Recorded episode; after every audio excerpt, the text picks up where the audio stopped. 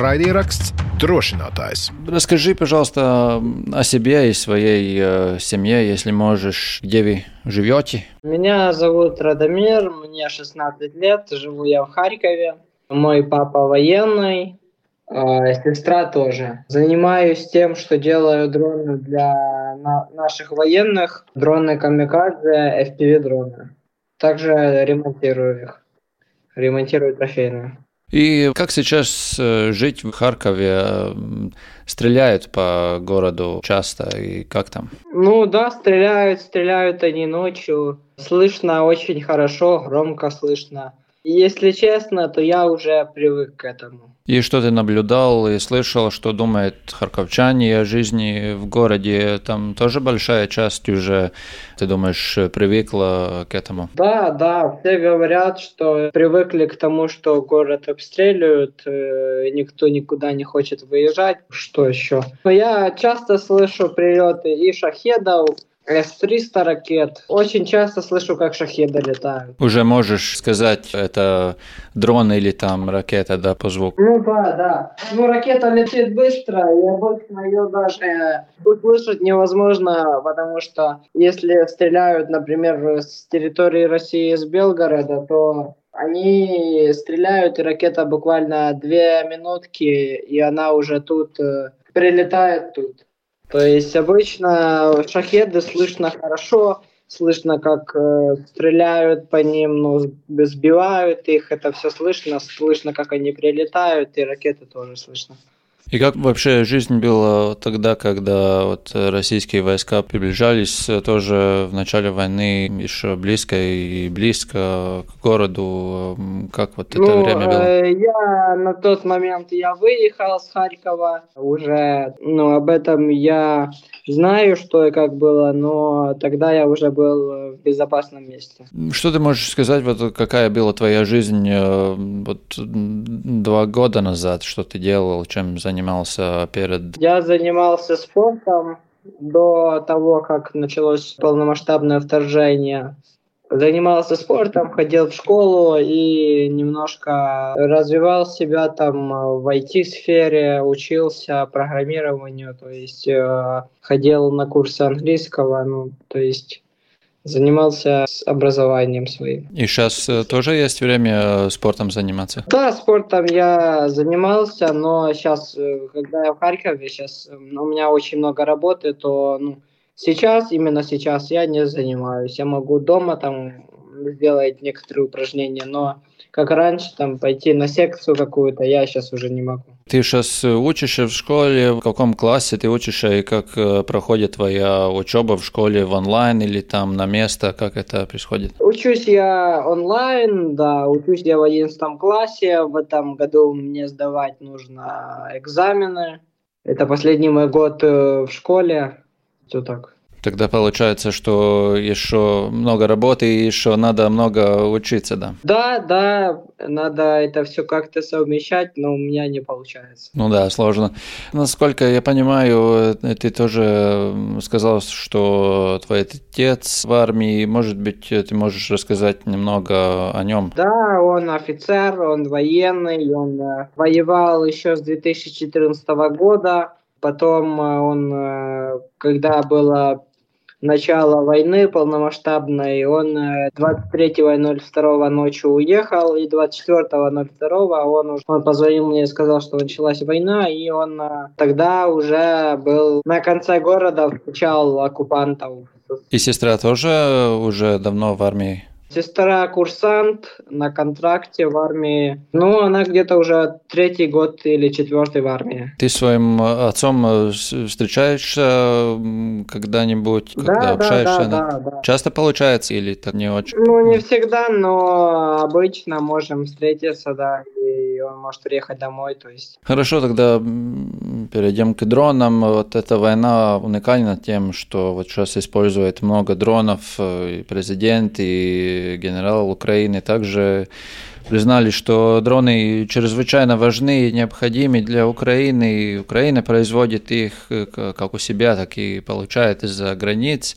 Как ты пришел к этому решению собрать э, дроны? Научился это все через интернет и учусь до сих пор. То есть э, это было не сильно сложно но до сих пор иногда возникают какие-то сложности у меня, где-то что-то неправильно сделал. То есть, э, как говорят, век живи, век учись, так же и у нас. Стараюсь, но иногда у меня не получается, но сейчас мы все нюансы убираем и делаем вообще безупречные дроны, которые работают как часы. И вот насколько большую роль сыграл твой отец в твоем решении это делать? Он меня замотивировал это делать, то есть э, очень большую роль он сыграл в этом, потому что изначально вся помощь должна была быть ему, но потом мы расширили масштабы и начали помогать э, нашей армии не только его подразделению, в котором он был. Теперь мы и наши дроны летают э, везде по всем направлениям.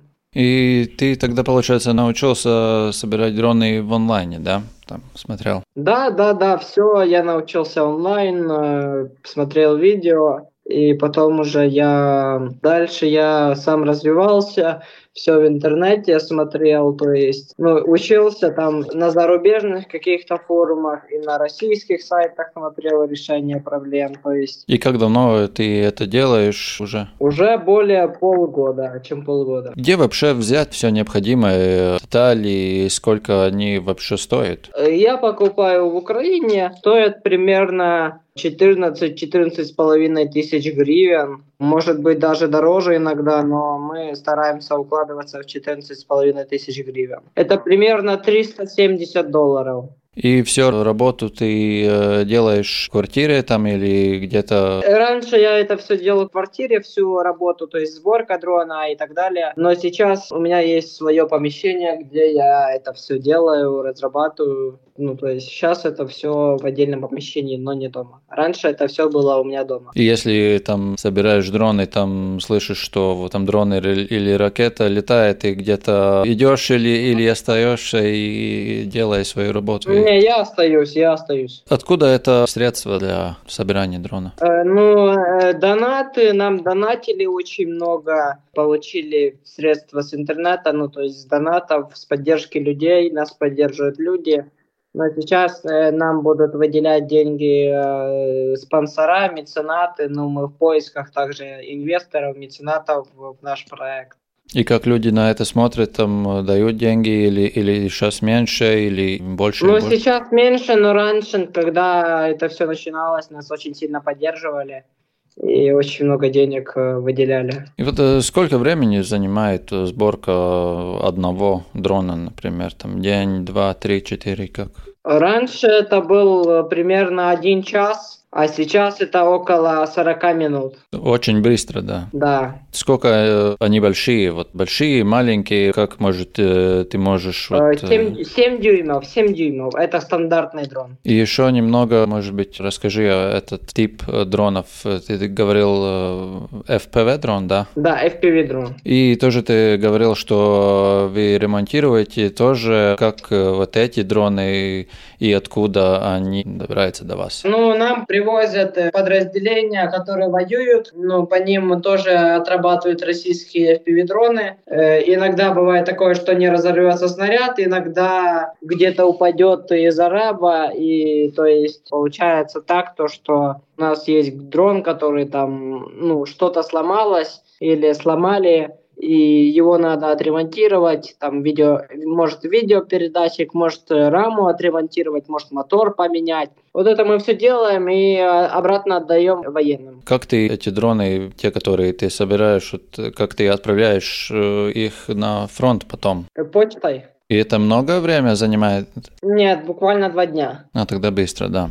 И они, вот получается, вот, вот ты знаешь потом, вот где именно они используются, там какие-то секторы и, и так далее? Или... Да, да, да. Мне скидывают отчеты, мне скидывают все, то есть, ну, мы это все знаем. И вот э, сколько дронов ты уже построил? Около 300. Хотел знать, что твои одноклассники говорят о твоей работе. Ничего. Они так, ну, если знают, что ты делаешь, они тоже, может быть, кто-то захочет, может быть, это делать тоже или и Ну, сейчас мне помогает мой лучший друг, я его там научил, и он мне помогает сейчас. Так э, никому не... Э, людям интересно, они говорят, что это круто, но кроме моего друга никто не заинтересовался. Ну, вообще, если смотреть там в онлайн, тогда это ну, кажется, что достаточно людей тоже в Украине сейчас делает это, собирает э, дроны и отправляет на фронт. Как ты считаешь, это еще больше и больше так э, людей будет, э, как ты считаешь, все это в Украине? Станется еще больше дронов, которых будет вот там э, производить э, я на думаю, самом Украине? Да, я думаю, да. И сейчас очень много людей все-таки делают эти дроны. Но мне кажется, что только этих дронов не будет достаточно для Украины, потому что мы должны запускать свои производства, чтобы или страна финансировала людей, они все делали волонтеры там и так далее. Как ты считаешь, что какие дроны нужны для армии больше всего? Вот эти, которые ты э, делаешь, или там еще много различных там э, типов, какие вообще дроны понадобятся в армии сейчас? Ну, моя мысль это дроны с искусственным интеллектом, с захватом цели и дроны, которые сейчас э, дроны, которые будут наносить удары по вражеским э, рэбам. Россия тоже вот адаптируется и одновременно тоже производит э, дроны. И вот насколько сложно будет с ними, как ты думаешь, это вот э, война дронов?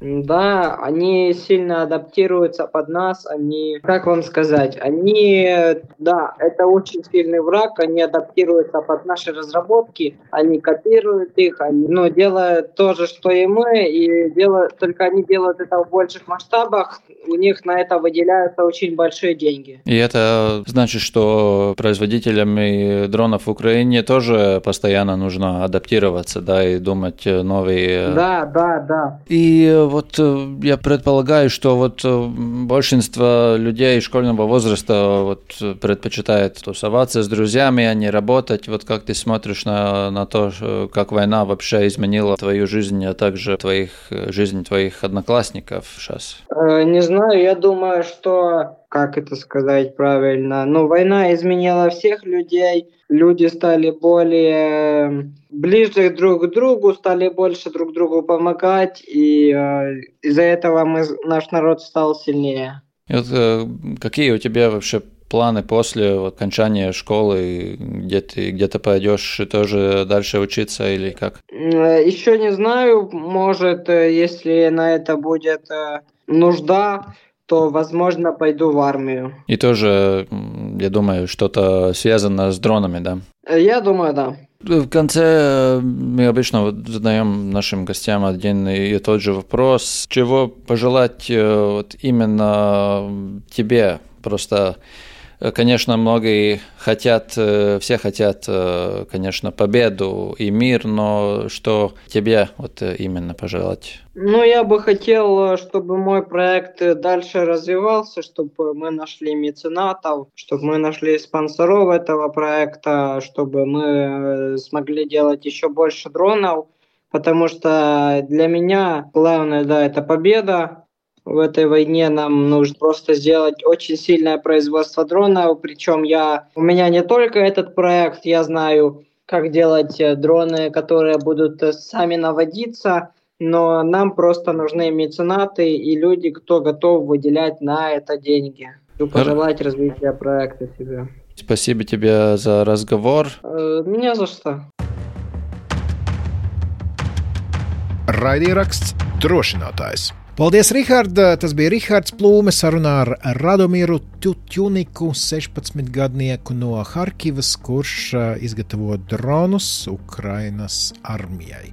Nu, es jau te visu laiku klāstu, ka Ukraina pēc kara beigām tā būs viena dronu ražošanas un izstrādes megavalsts.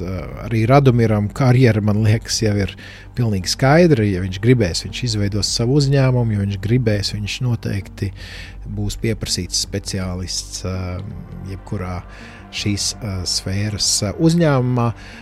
Bet, ja jums šķita šis stāsts svarīgs, un ja jūs uzzinājāt ko jaunu, ja jūs iedvesmoja Radumirs, tad ziniet, jā, varbūt jūs varat kļūt par viņa mecenātu, ko viņš tā meklē. Sazinieties ar mums, Rihards nodos ziņu, vai ne? Jā, noteikti. Nu, tieši, tieši tā, tas, ko Radamirs tiešām uz ko viņš cer un uz ko viņš gaida, ir brīdis, kad viņš varēs to visu darīt daudz plašāk un aktīvāk, un skaidrs, ka viņš noteikti būs profesionāls šajā jomā. Nu, viņš jau arī atzina, ka visticamāk, iespējams, dosies uz armiju, un tur jau arī ar tiem pašiem droniem vai tehnoloģijām arī kaut ko dzen darīs. Un, nu, jā, pirms es, jau, jau pirms intervijas, kad es ar viņu sarakstījāmies vairākas dienas, un to nācās darīt tāpēc, ka vienkārši tas, ko viņš dara ārpus mācībām, vai precīzāk mācības, viņš pat tā šķiet ir nolicis otrajā plānā, lai gan viņam pēdējais gads un eksāmeni, tas, ko viņš dara, viņš nu, absolūti lielāko daļu laika nodarbojas tieši ar šo dronu ražošanu, ar visām šīm saistītajām lietām. Un līdz ar to viņš ir nu, ļoti, ļoti aizņemts puisis savos 16 gados, un pat intervijas laikā varēja dzirdēt visu laiku, ka kaut kas fonā tiek darīts, klabināts, un nezinu, vai likts drons, vai vismaz meklēts kaut kas internetā. Zini, man tā arī izklausījās, tā, kad es uzzināju, cik gari ir intervijas, domāju, ej, kas te pa haltūrēšanu, bet tad paklausoties, tad saproti tiešām, ka Čāls konkrēti atbildes konkrētiem jautājumiem, un, un viņam ir tā, ok, tiekam galā ar interviju, jo man ir, man ir mans darbs, kas man ir jādara un kas man ir svarīgs, kas dod reālus, reālus augļus. Tā kā, jā, iedvesmojošs puisis, novēlam viņam visu to labāko izdošanos, un lai, nu jā, varbūt lai kara droniem laiks drīz pienāk ka tā ir pagātne, ka šie droni būs palīdzējuši Ukraiņai uzvarēt viņš varēs jau domāt, jā, varbūt par karjeru armijā, varbūt par karjeru drona industrijā, varbūt vēl kaut kur pavisam citur. Jā, katrā ziņā viņš pilnīgi noteikti var jau tagad teikt, un varēs pēc uzvaras teikt, ka viņš ir pielicis eh, diezgan lielu roku šai uzvarai. LSM mēs parasti nedēļas nogalēs publicējam šīs intervijas rakstiskā formātā, pievienojam klāt arī kādus fotofailus, lai jūs labāk varat iepazīties ar mūsu varoņiem. Kā tur ir Radomirs, iedos kādu savu bildīti, vai viņš grib palikt anonīms, vai kā tur ir? Es viņam esmu ar viņu sazinājies, bet viņš man nav neko joprojām atbildējis. Es viņam uzrakstīšu atkal vēlreiz. Jā. Nu ko, intriga paliek, intriga paliek. Jebkurā gadījumā intervija LSM LV būs nedēļas nogalē. Sekojiet līdzi. Mums jūs varat uh, rakstīt uz drošinātājs at Latvijas Rādio LV. Tā ir mūsu e-pasta adrese. Tāpat uh, šī gada jaunums ir tas, ka mūs arī piekdienu vakaros var dzirdēt drošinātāju Latvijas Rādio viens ēterā 6.15. vakarā. Jā. Bet nu, vienmēr visplašākais saturs būs te straumēšanas platformās pieejamajā drošinātāja pilnajā versijā. Nu jau 61. epizode, nu jau tā arī ir nonākusi līdz beigām. Man liekas, nekas šajā nedēļā vairs nav sakāms. Tev kaut kas vēl sakāms? Man sakāms tikai tas, ka man ir prieks, ka ir tādi cilvēki, kuri palīdz armijai arī nesot frontē. Tieši tā. Tā kā paldies, ka klausījāties un uz sadzirdēšanos pēc nedēļas. Atcerieties, drošinātājs tas ir skaidri un personīgi par karu Ukrajinā. Raidieraksts drošinātājs.